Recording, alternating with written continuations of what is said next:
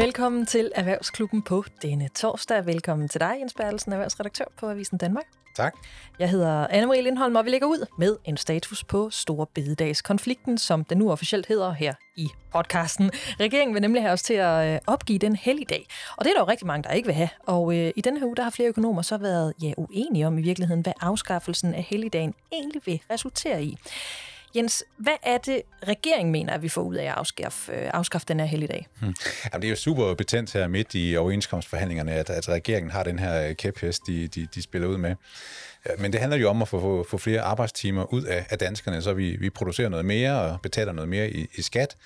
Det skal statskassen nemlig bruge, fordi vi skal øge vores forsvarsbudgetter ret markant, som vi jo også kommer til at vende lidt tilbage til. Der er så beregninger fra Finansministeriet, der viser, at, at bare øh, en sløjfet øh, helligdag, det svarer til at øge arbejdsudbuddet med 8.500 personer mm. i 2030.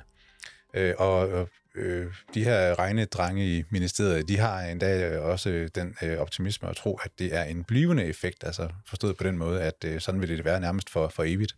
Ja, og det er måske her, at det er rigtigt lige at spille øh, en øh, nuværende overvismand og en tidligere overvismand øh, på banen, fordi i børsen, der var den nuværende overvismand, Karl Johan Dalgaard, og, øh, og tidligere overvismand Mikkel Svar, egentlig ret uenige om effekten af helligdagen. Altså, hvad var det deres pointer, de var? Jamen, det er ret usædvanligt med sådan en uenighed mellem de her øh, topøkonomer. Øh, overvismanden, den, den nuværende, er jo nær rådgiver til, til regeringen, men jo dog øh, helt uafhængig. Og han tror simpelthen ikke på, at danskerne respekterer at få frataget en, en fridag.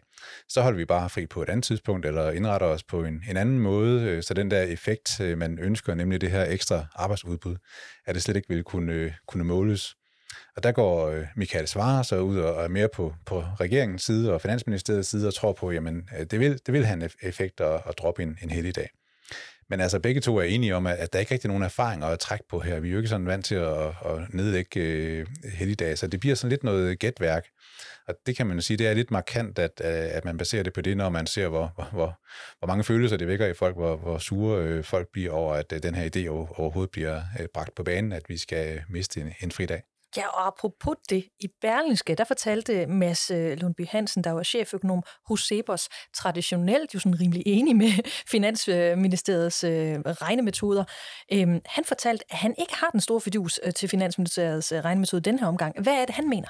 Det er jo fordi, at Finansministeriet jo blankt erkender, at de faktisk ikke ved, hvordan danskerne vil, vil reagere på at miste en, en fridag. Der er ikke empiri, altså der er ikke nogen erfaringer fra, fra tidligere. Og alligevel så antager ministeriet så, at danskerne vil arbejde mere hvis øh, Store Bededag, den, den ryger sig en tur.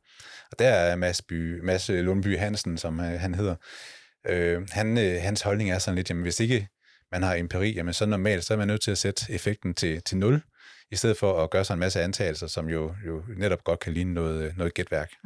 Jeg sad og så noget forskudt øh, nyhedshalløj går aftes, øh, og lige pludselig så bonger TV2 op med sådan en, øh, en breaking, øh, om at øh, den måde, vi skal kompenseres for tabet af, af helligdagen med en stigning, øh, eller den måde, vi skal kompenseres for, det, for tabet af den her helligdag, det bliver med en stigning i vores ferietillæg øh, på 0,5 procent.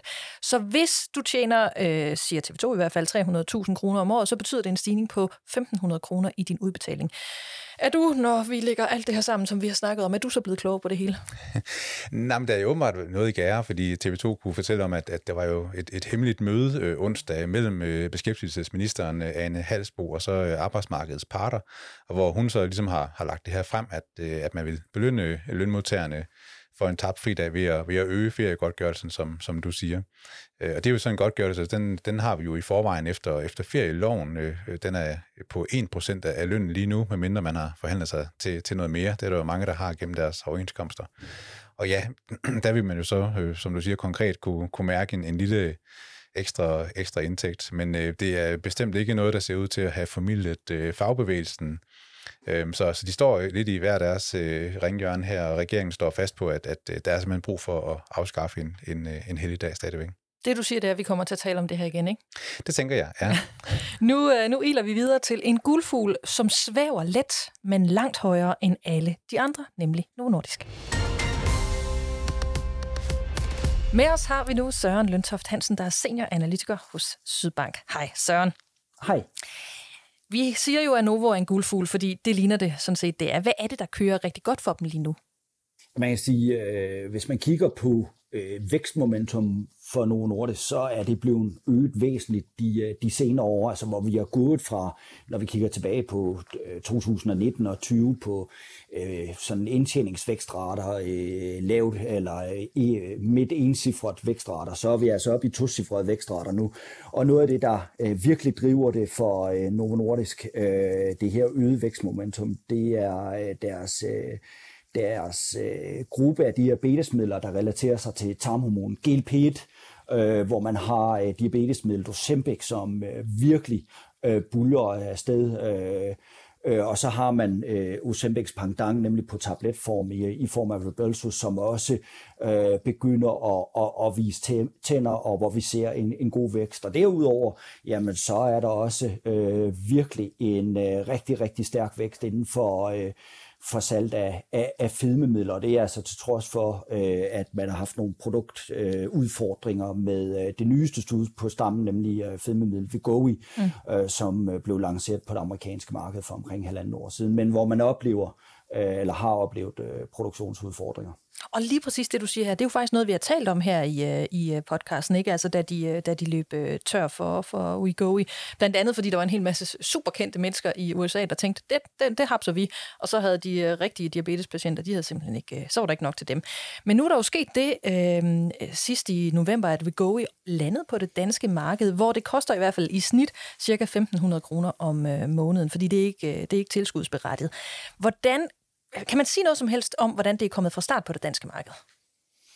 Nej, altså vi har jo ikke, vi har jo ikke tal på, hvor, hvordan salget har været, da vi går i på, øh, på, på det danske marked. Så jeg, jeg kan ikke sige sådan nøjagtigt, hvordan det her middel er kom, kommet øh, kom fra start øh, på, på det danske marked. Øhm, det jeg noterer mig i hvert fald, det er der i hvert fald i dagspressen øh, har været meget fokus på, på lanceringen af det her, øh, det her fedmemiddel goe øh, i, i, i Danmark. Og øh, når jeg tænker tilbage på, på, på lanceringen i USA, hvor der også var den samme, øh, kan man sige, opmærksomhed på, på, på, på øh, godkendelsen og lanceringen af det her middel, jamen så kunne der jo godt være en øget efterspørgsel, øh, som er drevet af, af kraftige overvægtige, som, som øh, måske har ønsker om at, at, at, at tabe sig, og som måske også henvender sig til lægen for at, sige, for at spørge, hvad er det her for et middel? Så, så ud fra den betragtning, så kunne man da godt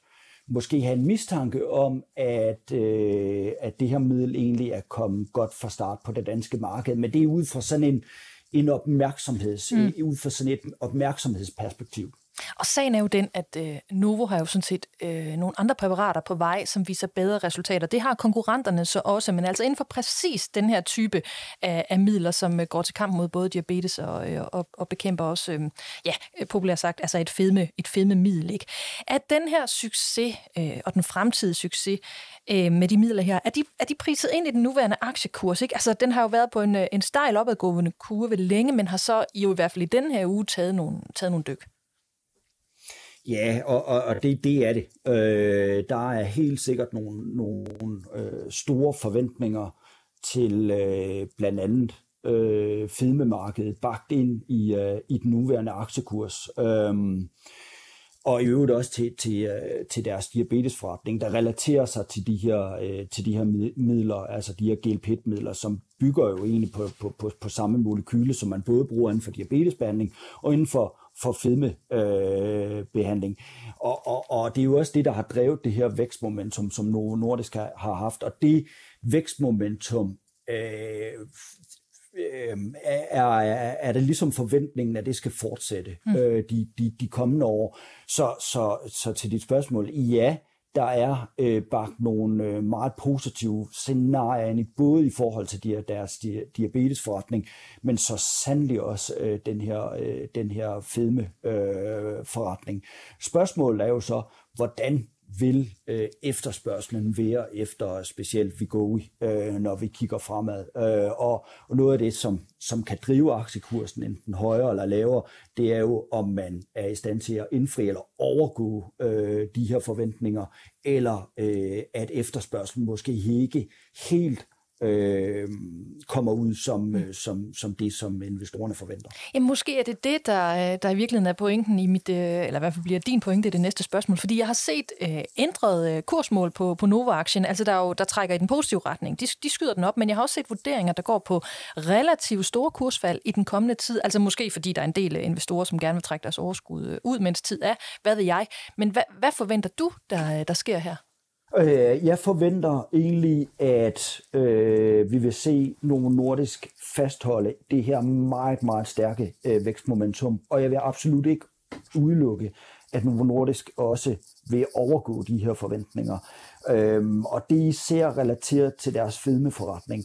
Øhm, hvis vi tager fedmemarkedet, så er der jo langt flere overvægtige, end der er diabetikere på verdensplan. Øh, men meget, meget få har historisk i hvert fald gjort brug af medicinsk behandling. Og, og, og, og med det, den efterspørgsel, der er selv fra patienternes side øh, til, til de her fedmemidler, jamen så tror jeg, at en større andel egentlig øh, vil gøre brug af medicinsk øh, fedmebehandling. Øh, når vi så også kigger på, hvor længe er øh, de her øh, kraftige overvægtige behandling med et fedmemiddel, så ligger det sådan historisk, eller i hvert fald baseret på Novo Nordisk øh, øh fedmemiddel, øh, hvad hedder det, Saxenda, som har været på markedet nogle år, så er det egentlig ikke ret længe. Det er typisk sådan en 4-6 måneder. Øh, hvis vi skal op og, og, og, og være længere på, på en behandling, det kan være flere år, jamen så hver gang, at du Øh, øh, øh, hver gang, at du øger din behandlingstid til, med et halvt år, jamen så fordobler markedet, og det tror jeg vil drive det her øh, fedmemarked væsentligt op, så vi vil gå fra, fra de nuværende omkring 22-23 milliarder kroner til øh, af 60-cifret øh, milliardbeløb i, i, i, i kroner, hvor Novo Nordisk vil, vil, vil, vil tage en, en, en pæn del af det marked. Så, så jeg, jeg tror, vi vil se et væsentligt vækstmomentum øh, i, inden for deres fedmeforretning, som sagtens kan overgå de forventninger, der er i, øh, i markedet. Og det er også baggrunden for, øh, som det fremgår af, af Sydbanks hjemmeside, også, at vi har en købsanbefaling mm. på, på aktien. Altså det du egentlig siger, det er, at selvom konkurrenterne er på vej med midler, som lige nu lover bedre resultater, Novo er også på vej med andre midler, som lover bedre resultater end de, end de eksisterende, så er der sådan set plads til dem alle sammen, fordi markedet det er så, øh, eller potentialet i markedet er så kæmpestort. Det er i hvert fald det, vi har set inden for, for diabetesbehandling. Altså den her klasse, som Ozempic blandt andet tilhører, det er, at hver gang der kommer ny innovation på markedet, så bidrager det til en øget markedsvækst. Øh, så kan det godt være, at man mister lidt markedsandel, men øh, lavkagen bliver større. Det kan godt være, at du får et mindre stykke af lavkagen, men, men, men lavkagen bliver så, så kæmpe stor, at det stykke, du trods alt øh, får, til trods for, at det er, er, en, er en mindre andel, det er langt større, end man, end, end man tidligere har fået. Så, så det, øh, det, det, det, øh, det, det er ligesom et udtryk for, at der er øh, som jeg ser det, plads til flere aktører på det her marked, velvidende, at det skal jo være nogle midler, øh, som, øh, som gavner patienterne i forhold til, hvis vi snakker fedme, vægttab, øh, hvis vi snakker inden for diabetesbehandling, der er det sådan noget som, hvor, hvor, hvor, i hvor høj grad reducerer det øh, blodsukker, det, hvad er bivirkningsprofilen, og hvad, hvor, hvor bekvemmeligt er det, er det en gang ugenlig injektion, eller er det på tablet, og så videre. Og så der er nogle, nogle, nogle parametre der, der ligesom bestemmer øh, konkurrence, øh, konkurrencen i det her marked. Okay. Jeg synes lige her til sidst, vi skal kigge på det middel, som ligger lidt klemt jo i virkeligheden i Novos øh, portefølje, i hvert fald udefra set, øh, nemlig deres middel mod øh, Alzheimer's, øh, som sørme så jo også er baseret på det her semaglutid, som jo er det her aktive stof, vi kender fra Ozempic og Wegovy. Så vidt jeg kan se, så er Novo Nordisk gået ind i et fase 3-forsøg med, med midlet. Hvad, ved vi noget om, hvordan det går? Vi ved ikke, hvordan øh, det her fase 3-forsøg øh, går. Der vil vi først øh, formentlig om et par år få nogle resultater for, for, for det her forsøg. Øh, det er et forsøg med, med 4.000 patienter, hvor man undersøger, øh, om, øh, om semaglutid egentlig er i stand til at bremse øh, Alzheimers udviklingen. Mm. Øhm, det, som Novo Nordisk har lagt til grund for overhovedet at gå ind i og undersøge, om, om det har en virkning, det er øh, en række hjertekar, store hjertekarbivirkningsstudier, øh, som man har gennemført med øh, både øh, forgængeren til Ozempic øh, Victoza, øh, og også øh, Ozempic øh, Rebelsus, altså øh, tabletten, hvor, hvor man kan se i hvert fald i de her store hjertekarbivirkningsstudier, øh, at det, der er en tendens til, at det bremser Øh, det bremser øh, udviklingen af Alzheimers, øh, så man simpelthen øh, kognitivt fungerer øh, bedre, når man har modtaget behandling med de her øh, GLP-1-midler. Øhm, så det er ligesom det, man lægger til grund for at undersøge det her, og, og det bliver rigtig, rigtig spændende at, at, at, at, at se, om, om man kan, kan vise det samme i et egentligt Alzheimer-studie. Det er altså et fase 3 Alzheimer-studie. Mm. Øh, det er jo ikke det er, jo et, det er jo et område, hvor rigtig, rigtig mange har forsøgt sig, og rigtig, rigtig mange har fejlet. Øh, så jeg vil nok være varsom med som investor i hvert fald at lægge nogle forventninger ind til, at man opnår succes i, øh, i sådan et Alzheimer-studie. Mm. Simpelthen fordi usikkerheden i forhold til det, nogle Nordisk normalt øh, undersøger, jamen så er usikkerheden bare langt, langt højere her. Uanset øh, om det er et fedmemiddel, diabetesmiddel eller Alzheimer's-middel, så øh, er jeg sikker på, at øh, Novo kommer til at trække masser af overskrifter i den kommende tid i øh, den øh, danske presse. Og vi følger med. Jens, du har et bud, kan jeg, jeg se. Tænker, jamen, det tænker jeg bare på, Søren, altså for pokker med Novo Nordisk her, altså privatinvestoren, som, som kigger på det her og, og lytter til din øh, købsanbefaling. Altså, jeg spørger jo mig selv, altså, kan de slet ikke træde forkert hos, hos Novo? Øh, aktien er steget med, med 40 procent på, på et år. Øh, deres markedsværdi ramte før jul øh, 2.000 milliarder kroner, og nu, nu er den så faldet lidt, men, men de er jo stadigvæk mere end 10 gange mere værd end, end for eksempel AP Møller Mærsk, som jo også er lidt af en darling herhjemme. Altså, er der slet ikke noget loft for, hvor, hvor stor Novo Nordisk kan, kan blive, som du lige ser det? Altså, øh, øh som, som vi var inde på i starten, der selvfølgelig er der jo nogle meget positive scenarier bagt ind i aktiekursen. Øh, og så, så for at vi skal se en yderligere, øh, et yderligere kursret, så, så skal man ligesom overgå de her forventninger. Og det er altså i min optik bestemt øh, muligt, øh, specielt med, med, med tanke på fedme. Men, men som vi også var inde på, jamen, så kan der være noget med Alzheimer's. Det kunne blive et kæmpe, kæmpe marked, også behandling af Alzheimer's. Vi lever længere, øh, vi kommer til at leve længere, øh, og, og desværre er der flere og flere, der vil udvikle Alzheimer. Så det er en, en mulig gren. Øh, Novo Nordisk begynder også at kigge på, hvordan, hvordan nogle af de her lægemidler måske kan bruges inden for øh, forebyggelse af hjertekarsygdomme, øh, forskellige andre sjældne sygdomme. Så, så, så de, de, de, har altså, de, de har altså fat i, i, i noget i, i, i Novo Nordisk, og noget af det, som, som jeg synes er, er, er, er positivt ved det her selskab, det er jo, de bygger jo oven på på, på midler, de allerede har på, på, på markedet. Altså, så, så nogle af de udviklinger, de har, bygger på, på, på, på, på eksisterende klasser af midler, for eksempel det her GLP-1. Øh, og det giver jo måske en succesrate, der er noget øh, større. Så kan man sige, hvad er det, der kan, kan bremse det? Jo, men hvis, forvent, hvis de ikke er i stand til at leve op til de her høje forventninger, så er der noget af det, der kan presse aktien. Og så vil jeg jo sige, så er der jo også, øh, og det tror jeg også, man skal være opmærksom på som investor, at så noget som fokus på medicinpriser og, og, og, og sundhedsbudgetter og, og, og så videre, det er noget af det, der kan være en håndbremse for et selskab som, som Novo Nordisk.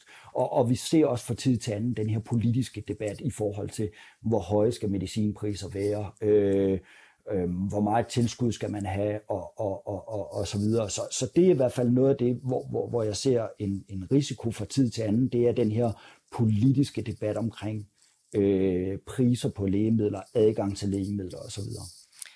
For nu, Søren Lønsoft Hansen, så, øh, så vil vi sige tak, fordi du er med i Erhvervsklubben. Utvivlsomt kommer du med igen til at tale om øh, præcis det samme, men øh, for nu altså, mange tak skal du have. Velbekomme. Kunstig intelligens er blevet det helt store samtaleemne efter lanceringen af ChatGPT i slutningen af 2022. Øh, det er jo en øh, ny og ganske avanceret øh, kunstig intelligens, altså i form af den her chatbot, som du kan skrive til, og så skriver den det, som du, du beder den om. Altså, du kan spørge den om hvad som helst. Den forsøger i de, i de fleste omgange i hvert fald at give dig et svar. Og som altid, så er jeg lidt bagud, så jeg har først lige stiftet rigtig bekendtskab med robotten for, øh, for nyligt. Og jeg var virkelig imponeret over, hvad den øh, kan. Jeg bad den faktisk om at skrive øh, bare sådan en kort faktaboks om, hvad Novo Nordisk øh, er for en virksomhed, og resultatet var, jeg kunne nok ikke rigtig have gjort det bedre selv, faktisk. Øhm, har du bedt den om noget, Jens? Jamen, det har jeg. Jeg, jeg er faktisk også øh, overrasket over, hvor øh, overbevisende den, den, den, den svarer næsten uanset, hvad du spørger om. Øh, jeg er ude og lave interview med en stor virksomhed, som jeg, jeg kender godt, så, så tænkte jeg, nu vil jeg lige prøve at spørge ChatGPT om, hvad, hvad der sådan er de største trusler mod den her virksomhed lige nu. Og, og det fik jeg en fin gennemgang af. Og jeg spurgte også, om øh, virksomheden havde været indblandet i nogle øh, skandaler, der sådan havde været omtalt i pressen. Og det kunne den også øh, svare på. Ej, så, så jeg tænkte, at så skulle man en, en dag stå med en virksomhed, man overhovedet ikke kender, og lige skal klædes på i en fart, jamen så er det godt nok nemt lige at, at skyde nogle spørgsmål afsted. Jeg tror ikke, den er, den er fejlfri, så jeg vil ikke lave øh, journalistik på, på de svar, den, den giver, men altså mit, mit første indtryk er faktisk, at den, den svarer ret øh, korrekt, og mm. hvis den ikke har et godt svar, jamen så, så, så giver siger den, den det? Nej, eller, ja, eller så giver den et, sådan et vandet svar, eller snakker lidt udenom, øh, så, så det er ikke sådan, den laver fejl, men det, så, okay. så bliver det måske bare lidt mindre interessant. Og jeg oplevede nemlig, at jeg spurgte den om et eller andet, sagde, det, det kan jeg ikke svare på, fordi det var, det var til det fedmemiddel, som Novo Nordisk laver, altså vi go ikke, og det var simpelthen for nyt, fordi den, ja. kan, den, den er ikke sådan på den måde Der er nogle begrænsninger, ja. ja. ja. Nå, og sagen er jo den, det her det er voldsomt øh, populært, og, og lige nu bliver der bare rykket hurtigt øh, på den her teknologi, især selvfølgelig hos Microsoft, som jo er investor i selskabet bag. Med os har vi nu Andreas Markmann Andreasen. Hej, Andreas. Hej. Du er ansvarende chefredaktør og administrerende direktør på Fagbladet Folkeskolen. Du har forsket i, og du underviser i kunstig intelligens, etik og digital dannelse. Og det er jo derfor, vi har fået fat i dig i dag. Og, øh, yes. og du har fulgt med siden lanceringen af ChatGPT. Jeg har endda læst mig frem til faktisk i andre artikler, du har medvirket i, at den har, den har frarøvet dig, frarøvet dig din nattesøvn, i hvert fald til at begynde med. Kan du ikke lige fortælle, hvad er din reaktion nu her, en, en god måneds tid inde i ChatGPT's uh, levetid på, på den her bot? Jo, jo, og det er fuldstændig rigtigt. Altså, da den kom, uh, ChatGPT, så, uh, så det er, jo, det er jo et kaninhul af en anden verden, som man virkelig kan falde ned i, fordi den kan jo snart sagt hvad som helst, ikke? Øh, jeg, jeg talte lige med en fotograf i dag, som fortalte mig, at han bruger den til at skrive uh, godnathistorier til sine børn. Uh, den kan jo også, uh, den, altså den, den, den, kan jo, den kan jo alt muligt. Den kan jo virkelig alt muligt. Så ja, den, uh, den gav mig nogle søvnløse nætter, det er der slet ikke nogen tvivl om. Uh, og gør det stadig. Altså, jeg synes stadig ikke, jeg er færdig med at lege med den. Men, Men når du spørger, hvad status er sådan en, en måneds tid inden, så kan man sige, at øh, jeg tror, det er begyndt at gå op for de fleste, hvad potentialet er i teknologien. Og det i sig selv er jo en stor ting, fordi vi har talt om det her i mange år. Øh, GPT Øh, ChatGPT er jo bygget på, den, øh, på en GPT-teknologi, så det er sådan en klassisk øh, kunstig intelligensmodel. Og vi, der har fulgt lidt med, har gået og talt om hele tiden, wow, prøv at se, hvad det her kan. Men det har altid været for en lille, lukket skare. Altså det har været få mennesker, som havde adgang til den her teknologi. De fleste havde ikke. Og det nye med ChatGPT er jo ikke så meget teknologien, det er jo øh, demokratiseringen af teknologien. At alle kan gå ind, hvis ellers den ikke er overbelastet, som den måske er lige nu. Men ellers så kan alle gå ind og, øh, og oprette en bruger, og så kan de bare lege med det. Så det, der er sket øh, siden ChatGPT kom, det er, tror jeg, at alle, altså den brede offentlighed, har opdaget den kæmpe store kraft, der ligger i at bruge kunstig intelligens til tekst. Og, og Jens, jeg vi talte jo lige om, altså, hvilke styrker den har, men den har jo også, hvad kan man sige, det modsatte. Altså, hvis du skal riste op, hvad er det så, den, hvad er det, den kan, først og fremmest? Ja, altså det, den kan, er jo, at den... Øh, jeg plejer at sige til mine børn, at du bliver, hvad du spiser. Og i det her tilfælde kan man sige, at den har stort set spist hele internettet.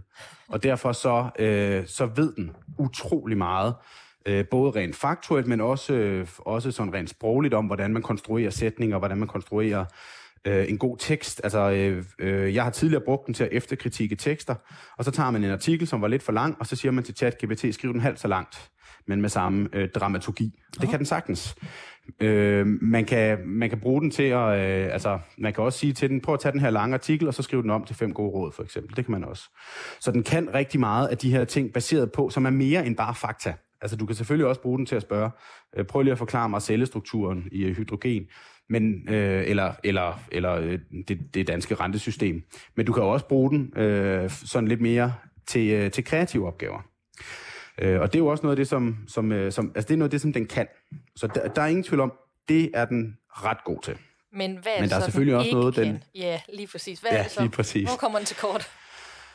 Øh, jamen, den kommer til kort flere steder. Jeg vil sige, først og fremmest, så har den et øh, alvorligt problem med sandheden. Altså, ChatGPT øh, kan jo finde på at lyve og opdigte ting, som ikke er rigtige. Og for sådan en som mig, og sådan nogen som jer, som er journalister, men også for alle mulige andre, for eksempel i erhvervslivet, som arbejder med troværdighed, og er afhængige af, at deres kunder kan regne med deres virksomhed og det, der står, øh, så er det jo et potentielt temmelig uheldigt problem. Altså, øh, den, øh, den, den, kan, den kan simpelthen finde på, hvis man beder den om at skrive noget, Øhm, øh, som, for eksempel var der en, øh, en journalist, som bad den om at skrive en artikel baseret på sådan en smiley-rapport. Altså der var en, øh, en butik, som havde fået en dårlig smiley-rapport, og det er, det er der øh, danske medier, der bruger robotter til at skrive om i dag. Så bad han ChatGPT, prøv lige at skrive en artikel om den her smiley-rapport. Det gjorde den, og artiklen havde ovenikøbet en kommentar med fra ejeren af butikken, som udtalte sig og beklagede og sagde, at det var da ærgerligt, at, øh, at vi havde fået den her, det skal vi gøre bedre næste gang. Problemet er, at den butiksejer har aldrig udtalt sig noget sted. Nå. Han hedder heller ikke det. Nej. Så, øh, så den har ligesom den har set, at hvis jeg skal skrive en god artikel om en smiley-rapport, så skal jeg også konfrontere en kilde. Men kilden findes ikke. Hvad gør jeg så? Ej, så finder den på det. Og det er jo et, øh, synes jeg... Det er da meget godt at vide. øh, så opdigter den det. Ja. Øh, og, og det sjove er, at øh, den journalist, som foretog eksemplet, han delte det hele på Twitter bagefter, da han, øh, da han ligesom bagefter spurgte den, "Hva- fandt du lige på det? Så sagde han, ja, ja, det gjorde jeg. Altså, der var, der var nogle ting, der manglede i artiklen, så dem har jeg så fundet, sådan at jeg ligesom kunne leve op til det krav. Fordi han havde jo bedt den om at skrive en god artikel. Og øh, den prøver på at gøre, hvad vi, øh, hvad vi beder den om. Så øh, det synes jeg er et meget godt eksempel på de etiske begrænsninger, der er i den her teknologi. Øh, og hvorfor man skal være meget påpasselig med at bruge den. Øh, altså lige nu er det jo rigtig meget en, et legetøj. Og det, jeg tror, der kommer til at ske i løbet af i år, er, at det for rigtig mange også kan komme til at blive et værktøj. Tror du, man kan Øh, tvinge men der skal til... man virkelig have... Oh, undskyld, det var bare, tror du, man kan tvinge Ja. til at sige sandheden? Altså så sige, gør som du lige beskrev her, øh, men, men det skal være sandt, det du skriver med rigtige kilder. Det kan man ikke. Og det kan man ikke. Du kan tro, vi har prøvet. Nå. Øh, og sige til den, nu skal du gøre det her, men du må ikke lyve. Og det har den svært ved. Nå, øh, fordi det, det, det, det, det, det er på en eller anden måde to modstridende ordre, som den får. Øh, den vil så gerne skrive artiklen på den måde, som giver bedst mening, øh, og så det bliver en rigtig god artikel, men den må ikke lyve, og det kan den ikke rigtig finde ud af. Men det er jo noget af det, man arbejder rigtig meget på lige nu, altså det her øh, sandhedsparadoks. Øh, fordi at, at den, lige nu så har den svært ved at skille øh, løgn og sandhed fra hinanden. Den har svært ved at forstå, hvad der er løgn, og derfor har den også svært ved at lade være med at lave det. Og det er jo noget af det, som man, øh, som man arbejder på. Og det tror jeg nok, man skal komme til at knække på et tidspunkt. Om det bliver i år eller næste år, det ved jeg ikke. det lyder altså lidt som min seksårige Men det er en af derhjemme. grundene til, det er en advarsel, jeg gerne vil give i hvert fald. Ja, ja præcis, ikke? Jo, altså da hun havde taget, Øh, taget noget af min, og- til morens ja. chokoladekalender, og hun blev spurgt, "Hva- er det dig, der har taget lidt af min chokoladekalender? Nej, nej, nej, det er det ikke. Men det var det. Lige præcis, lige præcis. Men Andreas, hvad er Ja, og perspektivet? den kan jo mange ting, som en seksårig kan. Det, øh, den kan jo også, altså den kan jo skrive, øh, den kan skrive mails, den kan sortere i, i de ting, man laver. Øh, som jeg også nævnte, kan den lave overskrifter. Den kan jo også sådan øh, for erhvervslivet for eksempel. Altså, der er den her teknologi potentielt også banebrydende, fordi forestil dig, at du sidder og laver øh, fire produktkollektioner, der kommer ud om året, og øh, der er 200 produkter i hver, øh, i hver øh, øh, range, og alle produkterne skal have en unik produktbeskrivelse. Den her kniv, hvordan ser den ud? Den her kjole, hvordan ser den ud? Hvad det end er, du nu øh, sælger. Mm. Øhm, der kan den her øh, teknologi jo på få sekunder skrive øh, produktomtaler, baseret på, hvad den ved, der virker derude, øhm, og som ikke er ens. Okay. Og det, det, bliver allerede, det bliver den allerede brugt til i dag. Men, men hvad er perspektiverne så i den, uh, i den her uh, chat-GPT? Altså på, den- på den noget længere bane? Altså hvilke problemer vil den her teknologi kunne løse for os? Øh, jeg, jeg tror, at den her teknologi kommer til helt grundlæggende at forandre måden, vi arbejder med tekst. Fordi øh, den kan for eksempel gå ind og lave et resume af en, øh, af, af en hvilken som helst tekst eller rapport. Det kan også være, at du har fået en advokatvurdering, og du har brug for at få samlet den op. Det kan også være, at du har et årsregnskab, og du har brug for at få øh, de fire vigtigste pointer lige præcis øh, for din virksomhed. Så den kan jo gå ind og arbejde, og det er, jo, det, er jo, det er jo det, der er dens begrænsning, men også dens potentiale, at det er jo en tekst, øh, det er jo en tekstalgoritme. Så den kan jo arbejde med tekst. Der, hvor det bliver rigtig spændende, er, hvis man så kan kombinere, og det er jo det, er jo, det, er jo det, der, det, er jo det, der er i gang med at ske nu. Altså, det er jo en større teknologisk revolution, kunstig intelligens, der kommer frem alle vegne på forskellige måder. Man har også set teknologi, der kan øh, lave... Øh, altså, der, var jo, der er jo en anden teknologi, der hedder Midjourney, som lige har vundet en, en stor kunstkonkurrence, og har lavet et kunstmaleri, som var så godt, altså så høj kvalitet, at det kunne vinde konkurrencen. Så du har teknologier, der kan lave billeder, du har teknologier, der kan lave video, du har teknologier, der kan skrive tekster, skrive bøger, du har... Øh, du har teknologier også ude på fabrikker, for eksempel i produktion og industrien, som kan rigtig meget. Du har rigtig meget e-commerce teknologier. Du har teknologier, der kan fortælle dig, øh, der kan lave reklamefilm, baseret på, hvad der vækker følelser. Altså fordi det kan, det kan de aflæse, det, det har de lært. Så jeg tror, at det er en, chat-GPT er en lille brik i en større revolution. Og hvis man ser det på den måde, øh, så, så tror jeg, at den kommer til at få rigtig stor betydning. Og især fordi, at den, vi har nu, er jo baseret på GPT-teknologien. Og øh, der kommer en ny GPT-4, som forventes at komme her inden for ja, få uger, øh, måske en måned, øh, som, er, som er mere end 10 gange så stærk. Altså det vil sige, at den har spist mere end 10 gange så meget, og er mere end 10 gange så god. Så det vi sidder og ser lige nu og øh, falder bagover, øh, når, vi, når vi leger med, øh, det kan blive meget bedre. Men, og det bliver det lige om lidt. Men hvor mange af os ender så med at blive arbejdsløse? Altså igen på den lidt længere bane, fordi jeg tænker journalister, folk, der er ansat inden for marketing. Der er mange, mange forskellige branche, brancher, der bliver hårdt ramt af det her, forestiller jeg mig. Ja, hårdt ramt eller hårdt løftet, altså afhængig af, hvordan man kigger på det, for det kommer også an på, hvilke opgaver man har. Hvis din opgave er at sidde og skrive øh, hurtige, faktuelt baserede referater af fodboldkampe, øh, så kan det godt være, at du skal finde noget andet at lave øh, inden for en meget kort overrække.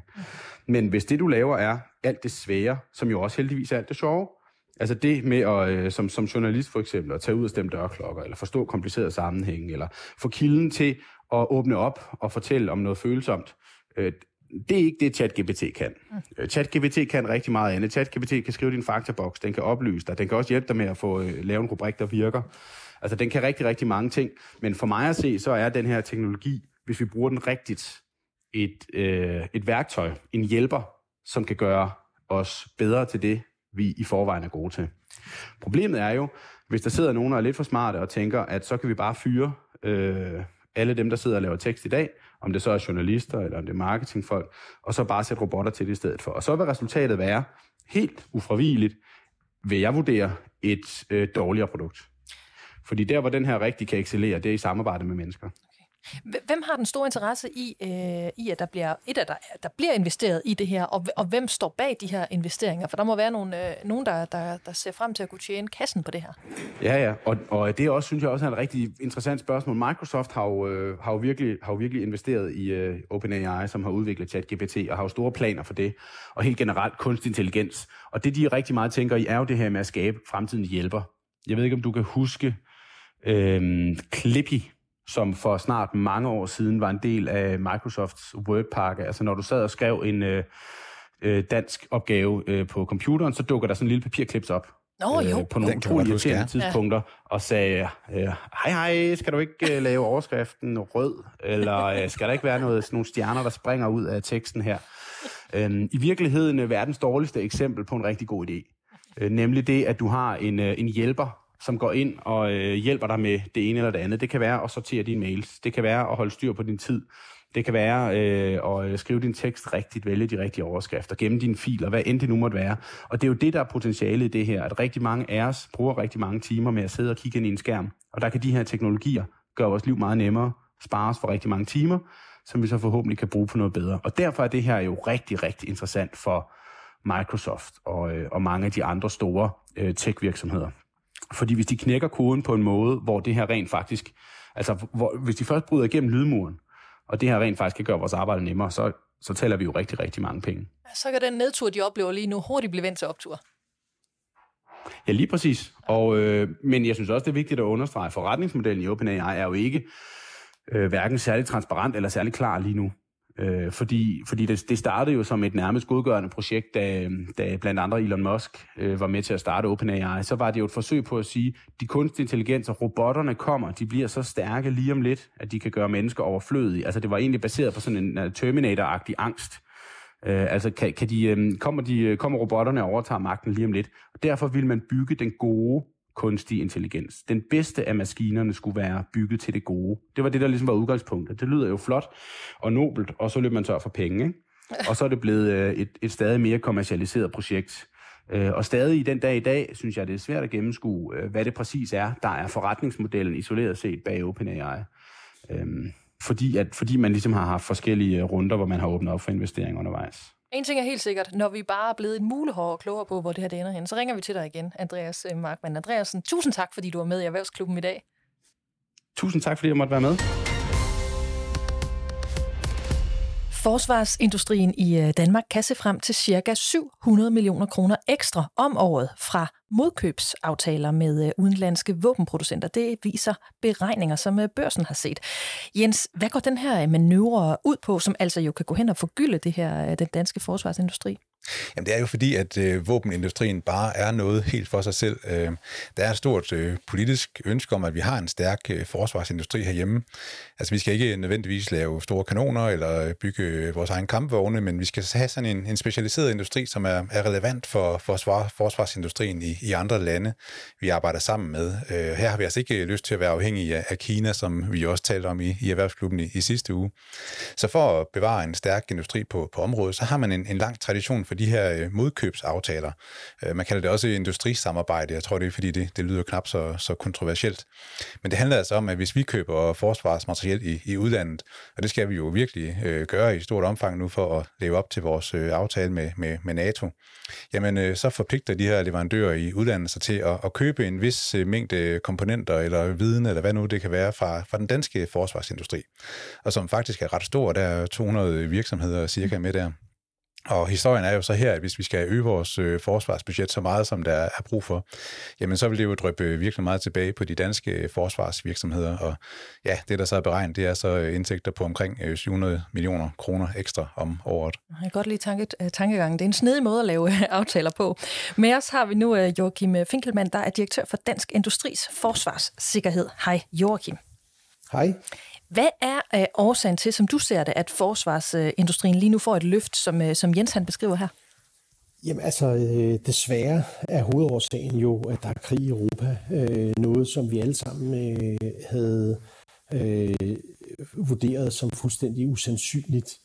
Og, og på den baggrund har regeringen jo besluttet, at Danmark øh, skal leve op til de forpligtelser, vi har i NATO, og investere markant mere i at få opbygget forsvaret.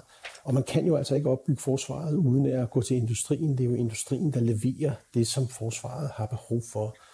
Og det får betydning for forsvarsindustrien både i Danmark og i udlandet. Og, og det du siger her, og det som Jens siger også i forhold til mængden af kroner, som der kommer ind ekstra om året lige nu, altså hvad betyder det for forsvarsindustrien og den udvikling, som, øh, som den står overfor, altså her i Danmark? Altså det betyder jo dels, at øh, der bliver behov øh, for yderligere produkter. Øh, der bliver behov for at øge produktionen øh, generelt øh, på udvalgte områder. Øh, så på den måde øh, betyder det, at forsvarsindustrien får en mere markant rolle i at understøtte dansk forsvar øh, umiddelbart. For så vidt angår beløbene, så øh, har jeg jo bemærket mig beregningerne. Jeg tror, tror det, er lidt, øh, det er lidt svært at være meget præcis omkring det, men, men der er ingen tvivl om, at forsvarsindustrien kommer til at få et løft. Men hvad er det egentlig, vi kan i, uh, i Danmark, når det kommer til vores forsvarsindustri? Altså, hvad er det typisk, vi sælger godt af? Altså, den danske forsvarsindustri er meget varieret og meget specialiseret, vil jeg sige. Der er en række områder, hvor vi er super dygtige. På det maritime område af, af Danmark øh, en meget markant nation, når det gælder design af skibe, når det gælder at udstyre skibe med software og med overvågning osv. Også inden for radarteknologi, inden for droner, øh, inden for bekæmpelse af droner, men også på de sådan mere sofistikerede softwareområder. Det her med at få data til at at spille sammen og sørge for, at man øh, dels kan samle data, dels kan forstå øh, de data, man, man samler ind. Øh, så på en lang række områder, men det er jo også rummet, øh, og det er også på cyberområdet. Så det er specialiseret, det er højteknologisk, øh, og, og det er meget unikke virksomheder, men også relativt små virksomheder. Altså jeg læste et sted, at øh, det vi er på vej hen, det er flere robotter og droner og så færre kampvogne. Men det lyder alligevel som om, at det er lidt for forsimplet. Altså vi, vi kan sådan set mere end det. Altså, jeg vil sige, øh, for så vidt angår robotter og droner, øh, der står vi stærkt i Danmark. Når det gælder ting som kampvogne, så bliver vi nødsaget til at gå til udlandet for at købe de her ting. Og det er jo der hele det her øh, modkøb, skråstreg, industrisamarbejde kommer i spil. Men jeg har godt læst det her med, at nogen siger, at det er droner og robotter snarere end det er kampvogne.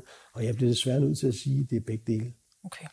Hvad betyder det her, altså den her udvikling, øh, som vi så ser ind i, i forhold til antallet af arbejdspladser? Vi har, vi har talt sammen øh, en gang tidligere her i podcasten, hvor du sagde, at det, mm. dengang forventede du i hvert fald en eller anden form for vækst, men hvordan ser det ud nu? Fordi det her, det var jo alligevel et stykke tid siden også, så vidt jeg husker, inden øh, krigen i Ukraine. Altså jeg vil sige, når man nu lige kigger fra den side, de her tal og det vi taler om, det ligger i et nyt forsvarsforlig, og det forsvarsforlig er ikke forhandlet færdigt endnu og skal først træde i kraft fra 1. januar 2024. Så inden øh, man begynder sådan at spå om, øh, om det helt store, så har vi stadigvæk lige at få at se øh, de her øgede investeringer. Vi har en forventning om, de kommer, og med det øh, øh, er det også min forventning, at øh, der kommer øh, flere i arbejde øh, i forsvarsindustrien generelt. Men, men måske også bare lige den kommentar, at fremtidens teknologier, når vi taler robotter og, og kunstig intelligens og sådan nogle nye ting, de bliver udviklet i den civile sektor, så jeg tror i virkeligheden også, at der er flere virksomheder, som traditionelt ikke har haft noget med forsvaret at gøre, som fremadrettet øh, vil blive involveret i at, at levere til forsvaret. Så, så man kan sige, at industrien vil også blive bredere. Så når jeg nu siger, for jeg har set, at Dan skal være ude og forudse, at SMV'erne i Danmark, og så den ikke, hvad kan man sige, den ikke traditionelle del af forsvarsindustrien, den, de ender også med at komme med ombord på, på det her. Så er det faktisk det, du siger her også, det er også det, du ser for dig. Altså, øh, øh, jeg tror også, at der kommer en udvikling hos SMV'er. Man skal lige holde tungen lige i munden, for at det ikke bliver for teknisk, men, men når det gælder det, som I lagde ud med, altså modkøb og så videre, øh, så er det faktisk sådan, at, øh, at man, man ikke kan lægge øh, modkøb på dual use øh, teknologier. Det vil sige, øh, det får ikke så stor betydning for de virksomheder, som er uden for øh, forsvarsindustrien. Øh, men når det gælder den, det generelle løft øh, af forsvaret, altså det, der skal investeres mere, så har jeg bestemt en forventning om, at der er flere SMV'er i Danmark, der, øh, der vil være relevante. Joachim Finkelmann, direktør for Dansk Industris Forsvarssikkerhed. Tusind tak, fordi du var med i Erhvervsklubben. Det var så lidt. Tak, fordi jeg måtte være med. AP Møller Mærsk har sat sin nye øh, ledergruppe under den øh, nytiltrådte administrerende direktør, Vincent Klerk, der jo overtog øh, rådet på Esplanaden den 1. januar. Jens, vi siger faktisk tak for i dag lige om lidt, men inden da, så skal vi altså lige have styr på, hvem er den nye top? Jamen, det er jo interessant, at øh, enhver ny topchef skal jo sætte sit eget hold, og det må man så sige, at øh, der har Vincent Klerk øh, valgt i den grad at, at udvide sit øh, ledelsesteam. Han har øh, lavet et kæmpe hold under sig. Øh, normalt har der været en ledelsesgruppe på, på syv personer i AP Møller Mærsk, og det er nu udvidet til, til 16 personer. I øvrigt fra øh, ni forskellige lande, og hvor de seks af dem er, er kvinder. Så og det er alt sammen sådan ret nye forhold på, på Esplanaden. Men hvordan har reaktionerne så været altså på det her nye hold? Jamen, at det er modigt at sætte så mange mennesker sammen, der skal træffe beslutninger. Det, det er i sig selv en stor ledelsesopgave for Vincent Klerk at, at holde styr på alle de her mennesker, som jo alle sammen vil synes, at, at deres dagsorden er de, er de vigtigste. Men altså omvendt, så er Mærsk også en meget kompleks virksomhed i gang med en fuldstændig øh, ombygning af sin struktur. Øh, samtidig med, at der er uro i, i verdensøkonomien og alt muligt, som, øh, hvor ledelsen skal sådan finde den rette balance mellem at, at, at, at sætte en masse nyt i gang, og samtidig have foden på bremsen, så at øh, hvis der pludselig kommer et tilbageslag af en art, så, så må det ikke mm. komme bag på dem. Øh, det er ellers noget, som, som der har været flere eksempler på i, i, det, i det sidste års tid, bare at der er sket ting, som man slet ikke havde forudset. Altså, jeg tror, jeg har fundet en, der er ret enig øh, med dig i det, du siger der, for jeg har skrevet lidt sammen med Mikkel øh, Emil Jensen, der er jo senior, øh, senioranalytiker hos Sydbank. God ven af podcasten her, og han øh, følger jo Mærsk tæt, og han, øh, han skrev til mig, at der er ikke så meget, der er ikke rigtig noget overraskende i, at en ny chef vil sætte sit eget hold, så det mest i øjnefaldende er størrelsen på holdet, som du også er inde på, men han siger jo så, at den primære årsag øh, skal findes i, at både industrien og hele verden omkring Mærsk ændrer sig. Det, øh, det kan ses som et kriseforebyggelsesteam. Men altså, du er inde på det samme, Jens. Men selv med det her nye hold, så kan Mærsk vel ikke undgå at tage imod nogle, nogle slag, som formentlig bliver lidt alvorlige altså i de kommende år. Eller hvad? Altså, tror du, de kan overraske? Nej, de kommer til at tage en del slag, og det ligger de heller ikke øh, selv skjul på. Men altså, de, de står jo de, de står stærkt. Det, det er så nu, deres øh, strategi skal stå sin prøve, øh, og det tegner den til at gøre, også når der kommer noget, noget modvind. Øh, det har sådan været lidt for, forplumret af, at der bare har været optur på fragtrater og sådan noget, så næsten uanset hvad de havde gjort de sidste, de sidste par år, så, så ville det jo have gået dem godt. Og det skal vi så se, hvordan det kommer til at gå, fordi den her strategi, de jo bruger alle deres kræfter på, det er jo, at de ikke bare vil sejle containerskibe fra A til B, men at de faktisk gerne vil øh, overtage hele logistikken for de store kunder. Og der er jo sådan en helt underskov af, af speditører, som jo før sådan har været i bindeledet mellem øh, industrien og, og så Mærsk. Øh, og den der speditørrolle, øh, som sådan lige sørger for, at lastbilen kommer på det rigtige tidspunkt og sådan noget, den vil øh, Mærsk jo så selv overtage. Så, så de vil gerne selv køre lastbilen hen til, til fabrikken og hen til en havnekaj, hvor man kan lige få opbevaret sine varer i et lager, hvor der måske er den her syvtakkede stjerne ude på, på facaden. Og, og, øh, og så på et tidspunkt, så skal alt det her jo så ombord på et, et, et lyseblåt øh, Mærsk-skib, men det, det, det bliver kun en, en, en del af den samlede løsning, som, som Mærsk gerne vil have, have flere kunder til at, at bruge. Øh, men altså meget opbrud i markedet, og Vincent Clerc, han, øh, han har givet interview til børsen, hvor han siger, at han er jo ikke sådan bekymret for alt det, han kender til, fordi øh, det, det er der sådan planer for, hvad der måtte ske i, i verdensøkonomien. Men han er faktisk bekymret for det, han ikke kender til, for, fordi vi lever i en tid, hvor der bare kan ske nogle kæmpemæssige globale skift, øh, og som meget hurtigt kan påvirke også Mærsks øh, forretning. Så der har han altså åbenbart brug for rigtig mange mænd mm. og, og kvinder på broen til at stå klar, når de her uventede problemer, de så dukker op. Det er næsten fornemt at stå her i studiet og så bare sige, at det bliver mega spændende at følge med i. det her, øh, det var alt fra Erhvervsklubben i denne her uge. Jens Bertelsen, tak for denne gang. Selv tak. Jeg hedder Anne-Marie Lindholm. Til dig, der lytter med, vi er tilbage en dag senere i næste uge, hvor vi altså først udkommer fredag. Men der høres vi til gengæld ved.